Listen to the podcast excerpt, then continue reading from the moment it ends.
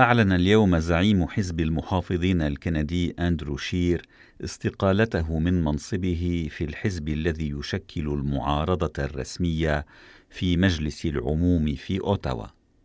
وأعلن شير قرار الاستقالة بصورة رسمية في كلمة ألقاها في مجلس العموم ظهر اليوم. I just informed my colleagues in the Conservative caucus that I will be resigning as the leader of the Conservative Party of Canada. And I've asked the Conservative Party National Council, I, I, will be asking the Conservative Party National Council to immediately begin the process of organizing a leadership election.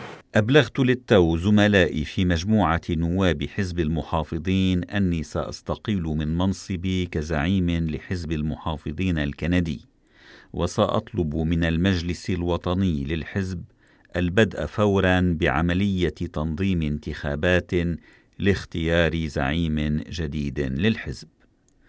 وانتخب شير زعيما لحزب المحافظين في أيار مايو 2017 ووصف اليوم قرار التنحي من زعامة الحزب بأنه أحد أصعب القرارات التي اتخذها على الإطلاق.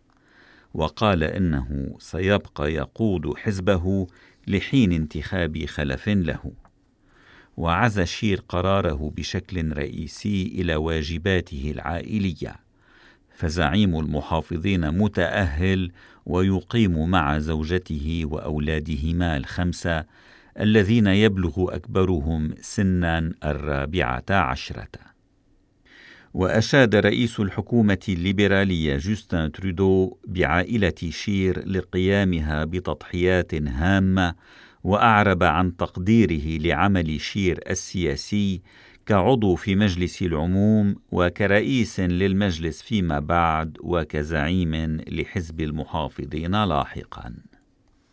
ويمثل شير في مجلس العموم دائرة ريجاينا كابيل في مقاطعة ساسكاتشوان في الغرب الكندي. وقال اليوم إنه سيواصل تمثيل سكان هذه الدائرة في مجلس العموم في المستقبل القريب. ويمثل شير هذه الدائرة بصورة متواصلة منذ عام 2004 عندما كان في الخامسة والعشرين من عمره إذ فاز بمقعدها في خمسة انتخابات عامة متتالية. وتأتي استقالة شير بعد أقل من شهرين على إجراء الانتخابات الفيدرالية العامة التي أعادت الحزب الليبرالي الكندي بقيادة رئيس الحكومة السابق جوستن ترودو إلى السلطة. وارتفعت أصوات عديدة داخل حزب المحافظين عقب الانتخابات تطالب شير بالتنحي من الزعامة قبل عقد المؤتمر العام للحزب في نيسان أبريل المقبل. وذلك بالرغم من أن الحزب بقيادته تفوق على الحزب الليبرالي بقيادة ترودو في التصويت الشعبي وبواحد فاصل ثلاثة نقطة مئوية. وذكر شير بهذا الأمر في الكلمة التي ألقاها اليوم في مجلس العموم وهو كان حتى الأمس القريب يدافع عن سجله متمسكا بالبقاء زعيما للحزب وطالبا أن يمنح تفويضا جديدا في المؤتمر العام المقبل للحزب. والانتخابات العامة الأخيرة في الحادي والعشرين من تشرين الأول أكتوبر الفائت كانت الأولى من نوعها التي يقود فيها شير حزب المحافظين.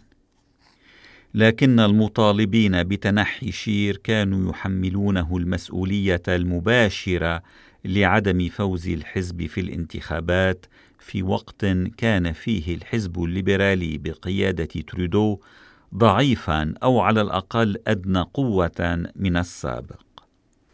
ومع استقالة شير تطرح الأسئلة وتثار التكهنات حول من يكون أفضل خلف له في قيادة المحافظين لمواجهة الليبراليين بقيادة ترودو في الانتخابات العامة المقبلة التي يصعب تحديد موعدها بما أن حكومة ترودو الجديدة هي حكومة اقليه